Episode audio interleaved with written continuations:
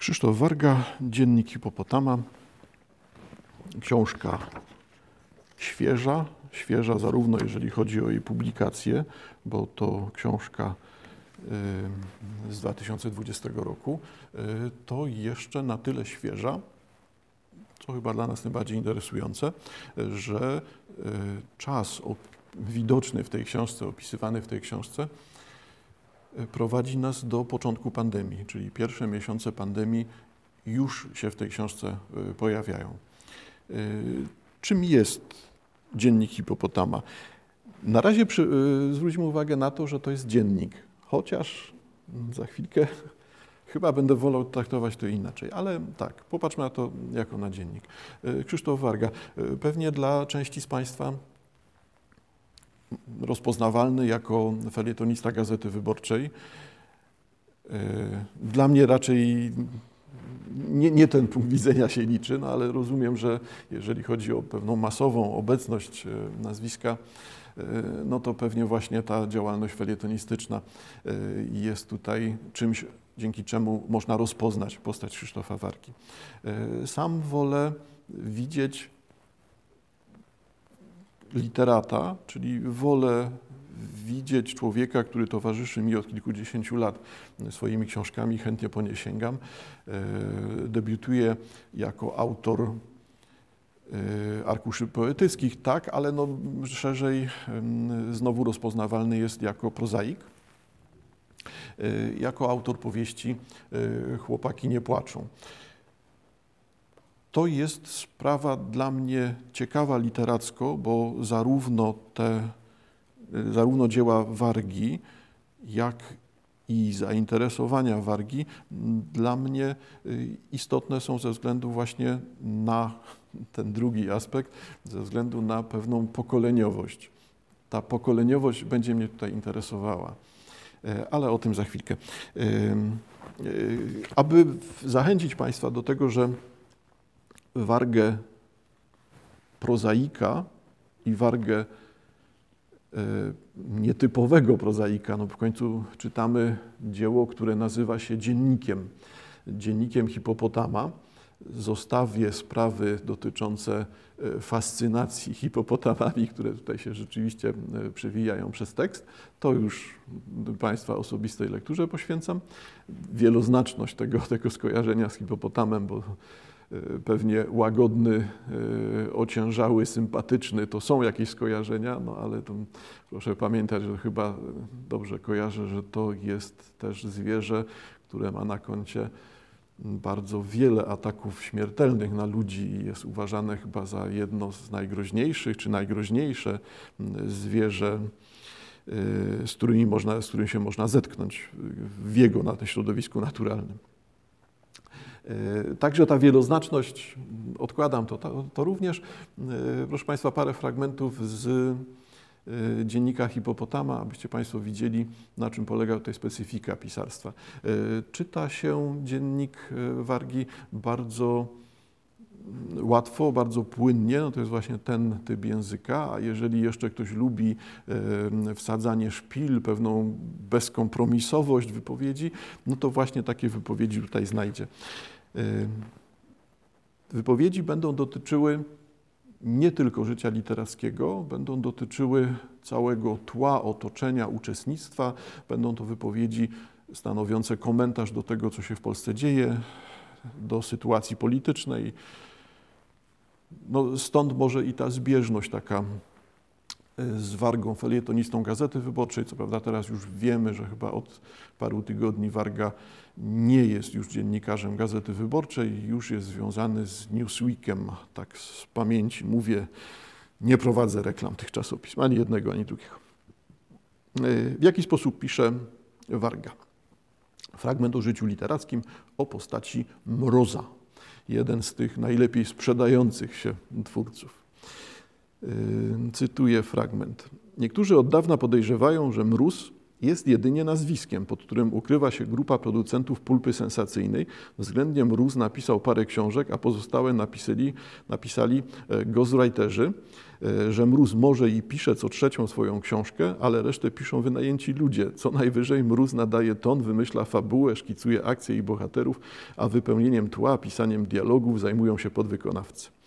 Nie byłoby w tym nic nadzwyczajnego. Praktyka znana od zawsze, rozpowszechniona w malarstwie renesansowym, w pisarstwie XIX-wiecznym, utwardzona przez Aleksandra Dumas, który stał na czele manufaktury pisarskiej, wymyślając muszkieterów, wicehrabiów de Bergelon i hrabiów Monte Cristo, firmował produkt wystrugany przez wynajętych rzemieślników, tak jak dziś projektant projektuje w londyńskiej czy paryskiej pracowni ubranie, a potem krawcy z Bangladeszu to szyją za grosze, by mógł dyktator mody sprzedać ometkowany towar na rynku londyńskim i paryskim, tyle że za pieniądz stukrotnie większy.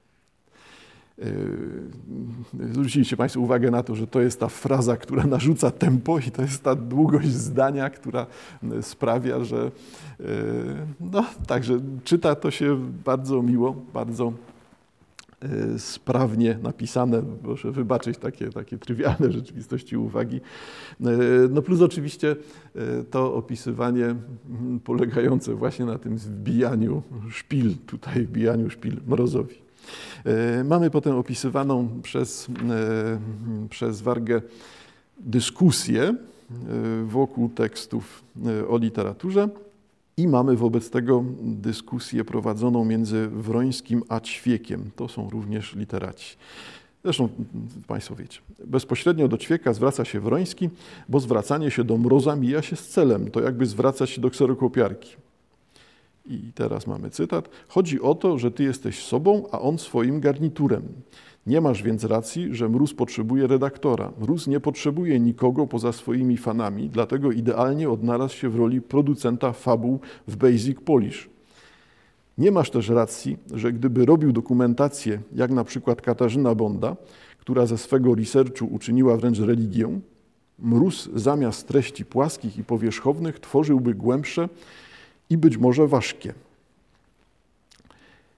Nie rozumiesz tego i nigdy nie zrozumiesz, bo siedzi w tobie społecznik, a w mrozie coś na kształt polityka. Społecznik jest w stanie powiedzieć swojej publiczności: Nie macie racji, pozwólcie, że wam to wytłumaczę.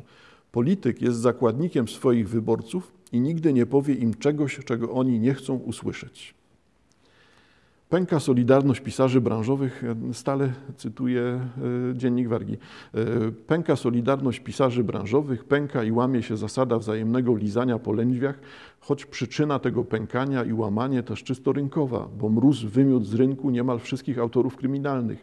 Miłoszewski rzucił kryminalistykę i pisze powieści obyczajowe, choć z wątkiem science fiction. Bonda się kryguje, że nie pisała nigdy kryminałów, a jedynie powieści obyczajowe i psychologiczne z wątkiem kryminalnym. Niedługo przyznanie się do tego, że się jest autorem powieści kryminalnych, nie będzie już nobilitować dzięki Bogu i Mrozowi. Paradoksalnie wielką szansę Mróz daje pisarzom kryminalnym, żeby się ze swych gatunkowych dybów wyzwolili. Bo tak się stało, że narodziła się kasta czytelnicza, która wyłącznie już Mroza czyta.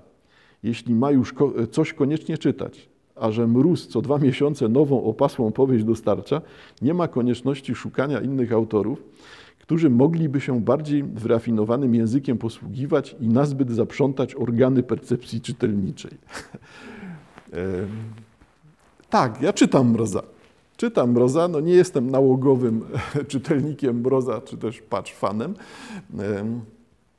E, tak, ale no czytam Mroza, bo, e, no bo, bo trzeba przeczytać, żeby móc coś powiedzieć. Tak? Nie może to przecież być wymyślone. E, no ale czytam Mroza e, rzeczywiście widząc, jak bardzo mocno jest to e, cięte, jak bardzo mocno, no mówiąc brutalnie, widać to, że, że pomysły, produkty Mroza są takimi produktami od siekiery. Po prostu widać ciosanie takiej, takiej powieści. Także, no cóż, od siekiery, łopatologia, wtórność, co się składa na e, lekkość, przystępność i brak jakichkolwiek oporów. No ale to jednocześnie pokazuje, że jest to bezproduktywne, jałowe, puste. ale rozrywkowe, no i może o to chodzi w końcu, to jest literatura rozrywkowa.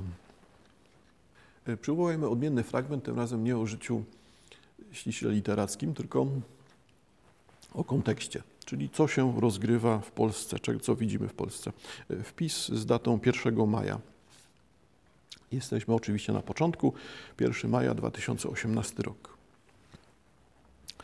Dzień Święta Pracy miast świętować, a więc oddawać się bogobojnemu lenistwu i wspominaniu patrona tego dnia, świętego Józefa Rzemieślnika, poświęcam pracy oczywiście. Prasa zarzucona artykułami, wypowiedziami, polemikami wokół Karola Marksa, który akurat w tych dniach obchodził będzie dwusetlecie urodzin. Wyłącznie skrajności wokół tej postaci, jedynie radykalne odrzucenie wszystkiego, co z Marsem związane oraz ślepa apologia z drugiej. Żarliwi prawicowi patrioci emanują swą do Marksa nienawiścią, zapominając, że był oszalałym orędownikiem polskiej niepodległości i betonowym polonofilem. W Polakach znajdując naród heroiczny o mesjanistycznych, ale i rewolucyjnych powinnościach. Młodzi lewicowcy zaś oraz starzy postkomuniści w Marksie widzą wyłącznie profetę, który półtora wieku temu przewidział zgrozę współczesnego wolnego rynku i tragiczne konsekwencje reform Balcerowicza. Wszyscy w narcystycznej hałaśliwości nie umieją na spokojnie wypośrodkować i obdzielić Marksa zasługami i połajankami jednocześnie, albowiem nie ma już skomplikowanych postaci historycznych, nie ma umysłów pokrętnych, figur paradoksalnych, a jedynie wrogowie i sprzymierzeńcy, bohaterowie i zdrajcy, geniusze i kretyni, święci i potępieni. Czyściec został relegowany z publicznej rozmowy i wyrzucony ze świadomości. Jest tylko niebo i piekło. Co znamienne, czyściec występuje wyłącznie w teologii katolickiej. Inne wyznania chrześcijańskie istnienia czyśćca są pozbawione. Czyżbyśmy w sferze dyskursu publicznego, polemik prasowych, debaty historycznej odchodzili od katolicyzmu i dryfowali ku protestantyzmowi? Osobiście rozpaczam, że w Polsce w złotym wieku XVI zwyciężyła konreformacja. Polska nie jest dziś krajem luterańskim bądź kalwińskim, ale nie spodziewałem się, że zarzucenie dogmatów katolickich akurat w ten, w ten sposób się zrealizuje. Anihilacją czyśćca i postawieniem wyłącznie na dychotomię piekielno-niebiańską. Dziw, że, że w, z boskiej komedii Dantego w nowych wydaniach nie wycinają środkowej części jako nieciekawej, niejasnej, niekonkretnej. Mm. Czemu ten fragment? No zauważcie Państwo, y, na czym polega specyfika, specyfika pisania wargi. Y, bardzo płynnie przechodzi od obserwacji historycznych czy też socjologicznych do obserwacji kulturowych, do obserwacji zmian w społeczności polskiej. Tutaj widziałbym ciekawe aspekty, no z jednej strony dokumentujące, a z drugiej strony też podsumowujące y, to, co dzieje się z Polską w przeciągu tych 30 lat. Bo może właśnie nie przypadkiem ten dziennik hipopotama jest zamknięciem trzydziestolecia. 2018, 19, 20 rok. Zamykamy trzydziestolecie, liczone może od 89, może od 90 roku.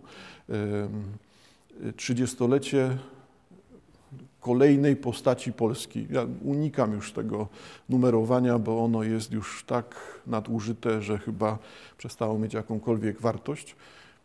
Mamy ten okres trzydziestolecia. Mieliśmy okres dwudziestolecia, mieliśmy okres PRL-u, mieliśmy ok i mamy teraz za sobą 30 lat kolejnej postaci Polski. Z tego punktu widzenia ciekawe w dzienniku Wargi jest, y, ciekawa jest sprawa pewnej syntetyczności, tego jak pewien sposób myślenia o świecie, pewien punkt widzenia można potraktować jako typowy dla pokolenia. Moje zawieszenia głosu teraz dotyczą tego, że charakterystyczną cechą pokolenia, jeżeli ono w ogóle w tym miejscu występuje, bo to też nie jest takie proste, tego pokolenia cechą jest unikanie deklaracji dotyczących przynależności do pokolenia. Jakie postacie pojawiają się w dzienniku Wargi? Postacie no, oczywiście autorytetów, reżyserów, literatów, tak, ale sięgnę do innych. Takie postacie, które są rozpoznawalne właśnie dla, jako charakterystyczne dla tej generacji. Czyli znajdziemy uwagi o Zygmuncie Staszczyku, tak, o, o postaci Muńka, przyjaciel Wargi. No, pięć lat różnicy w wieku urodzenia, ale to nie oznacza, że to jest jakaś duża różnica. Mniejsza różnica i kolejna postać yy, Krzysztof Grabasz-Grabowski. jeżeli popatrzymy na takie układy towarzyskie, na takie związki, yy, to nagle okaże się, Aha, no paradoksalnie jeszcze wypomnę, y, wspominany przez Wargę w sposób taki no, dość, dość nie wprost, y, związek z Anną Dziewit, czyli aktualnie z Anną Dziewit-Meller, przy czym ja nie jestem plotkarzem, tak? To ten związek może polegać tylko na jakiejś tam fascynacji, a w ogóle mnie to nie interesuje. E, zaznaczam natomiast te zbieżności pokoleniowe, bo pojawi się e, w sposób dość wtórny, ale nazwisko kolejnego przedstawiciela i literata i znanej postaci dziennikarza chyba, tak? Czyli Mellera. Jeżeli popatrzymy na tak pojawiające się nazwiska, to okaże się, że jest jednak grupa ludzi, którzy mają sobą coś wspólnego. Gdzie ja widzę to, tą wspólnotę e, w tym miejscu? E, no, no, no, oczywiście to jest wyważanie otwartych drzwi, tak, ja znaczę to samo, że no moim zdaniem, jeżeli mówimy o tym pokoleniu wchodzącym w dojrzałość na przełomie lat 80. i 90. XX wieku, czyli ci ludzie, którzy rozpoczynali samodzielne życie. I to ja, ja, wiem, że to zaczyna się wszystko wymykać, tak? bo rozpoczynali samodzielne życie to oznacza co? Że skończyli szkołę średnią, powiedzmy tak, skończyli studia, zaczęli samodzielnie żyć. Kiedy? No to przecież i tak to samodzielne życie może być w innym miejscu niż te elementy, które wymieniłem. Y, no ale przyjmijmy, że jest możliwa taka kategoria, że ludzie, którzy wchodzą w dojrzałość, ludzie, którzy wchodzą w dojrzałość rozumianą jako samodzielne kształtowanie siebie, samodzielne decyzje, wyjście spod kurateli rodziców, tak, i samodzielne decyzje dotyczące swojego życia i rozgrywa to się wokół y, roku 90, przy czym w niewielkim stopniu schodziłbym poniżej tego 90 roku, a raczej pokazywał, że może dotyczyć to ludzi rozpoczynających to powiedzmy w pierwszym pięcio, pięcioleciu, czyli ten okres pięcio-sześcioleciu, czyli ten okres 89-95, coś takiego. To jest ten moment, kiedy pojawia się coś, co próbowałbym nazwać pokoleniem. Nie, nie staram się nazwać tego pokolenia, bo Cały kłopot z tym pokoleniem jest taki, że możemy zobaczyć grupę osób mających wspólny światopogląd i jednocześnie w tej grupie osób każda z nich będzie deklarowała, że jest całkowicie odrębną jednostką z własną drogą rozwoju, z własnym pomysłem na świat, który nijak jest nieporównywalny z innymi ludźmi których nazwiemy teraz rówieśnikami, tak? trzymając się tego, że to jest dość szerokie, te widełki, mamy rówieśników. No i rozumiemy, że tutaj tym przeżyciem pokoleniowym będzie właśnie wejście do tej Polski, w której komercja rządzi. No, no, trudno jest tutaj mówić o jakimś porządku, tak, bo specyfiką tego okresu, tego okresu przejściowego 89, 90 parę e, jest to, że, e, że Polska nie jest określona, no Polska się właśnie wtedy wyłania, staje, jest swoistego rodzaju, staje się po raz kolejny, tak, osiąga ten kształt, który koślawy czy nie rozpoznajemy do dzisiaj. Widzimy wokół siebie dzisiaj. E, wobec tego Polska tamta, Polska przełomu, Polska zmiany, e, to jest moment, kiedy ci ludzie mm, określają siebie, tylko określają siebie jako niepowiązany zbiór jednostek. Cechą charakterystyczną dla tego pokolenia, moim zdaniem, jest właśnie podkreślanie odrębności, indywidualności, samotności, swoistego rodzaju niepowtarzalności sądów, tym, czym, czym się zajmują, tak, to w jaki sposób się wypowiadają, ale zróbmy krok wstecz, czy uzyskajmy odrobinę dystansu i zauważcie Państwo, że jednak tam to jest, czyli zróbmy ten prosty szereg. Jeżeli to jest Warga piszący o książkach, które czyta, to te same książki czytane są właśnie przez jego pokolenie. I Warga w swoim dzienniku gra z tą świadomością pokoleniową, tylko rozumie, że w przypadku przynależności do tego pokolenia nie może właśnie tej przynależności zadeklarować.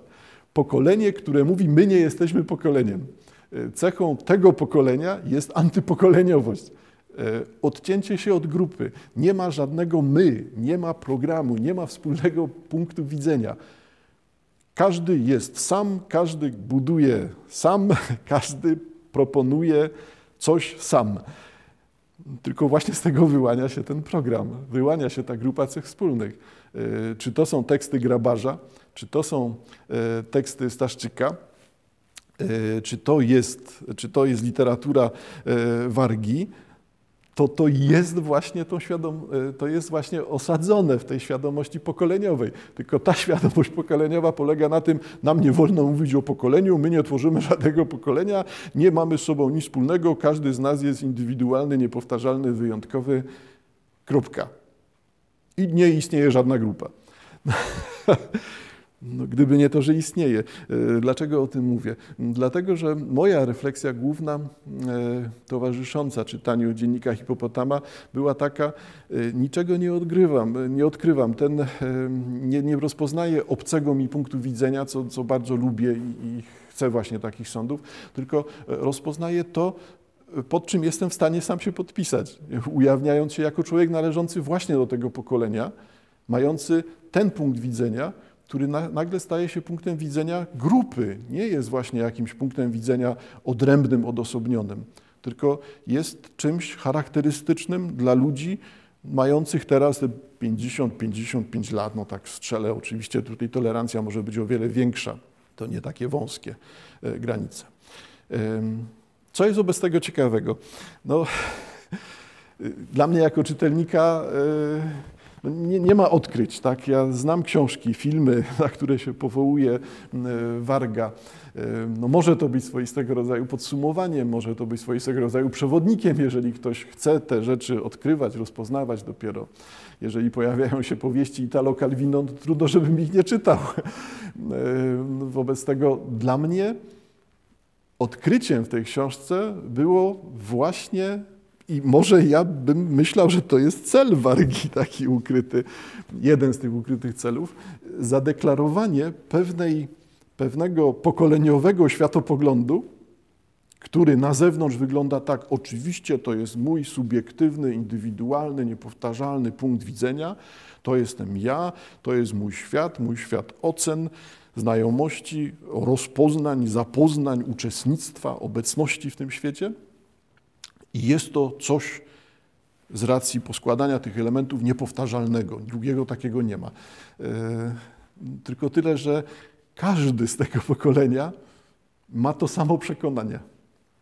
Cechą tego pokolenia jest właśnie to przekonanie o wyjątkowości, niepowtarzalności, odmienności, taki solipsyzm poznawczy, taki właśnie takie podejście. Mm, Świat jest tylko taki, jak widzę. Ja jestem sam, nie ma komunikacji, nie ma porozumienia, za wszystko sam odpowiadam, wszystkim sam uczestniczę, przy czym ten świat jest w dużej mierze fikcją, grą, zbiorem przypadków, takim właśnie chaosem, którego, do którego należę, którego elementem jestem. Gdzie, gdzie były takie momenty, które e, dla mnie były ciekawe. No w tym momencie, kiedy Warga w swoich dziennikach e, zapisuje uwagi na temat e, sympatycznych spotkań w Katowicach z Dariuszem. No i z kontekstu wnioskujemy jednak, zresztą pojawia on się w, w indeksie nazwisk, mamy do czynienia z Dariuszem Nowackim. Bardzo ciekawa postać, e, interesujący no chyba trzeba powiedzieć badacz, tak? badacz literatury czy krytyk literacki, związany z paroma przedsięwzięciami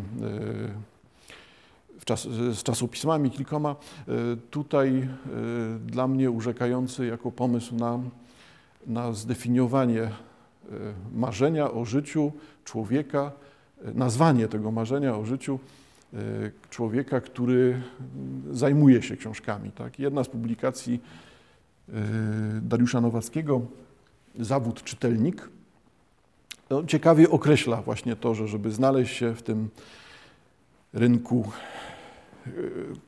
w którym dominuje komercja, w którym trzeba sobie radzić z przetrwaniem, trzeba zapewnić sobie źródła dochodu i jednocześnie jest się człowiekiem zafascynowanym książkami, no to pozostaje spróbować tego, tego zawodu czytelnika.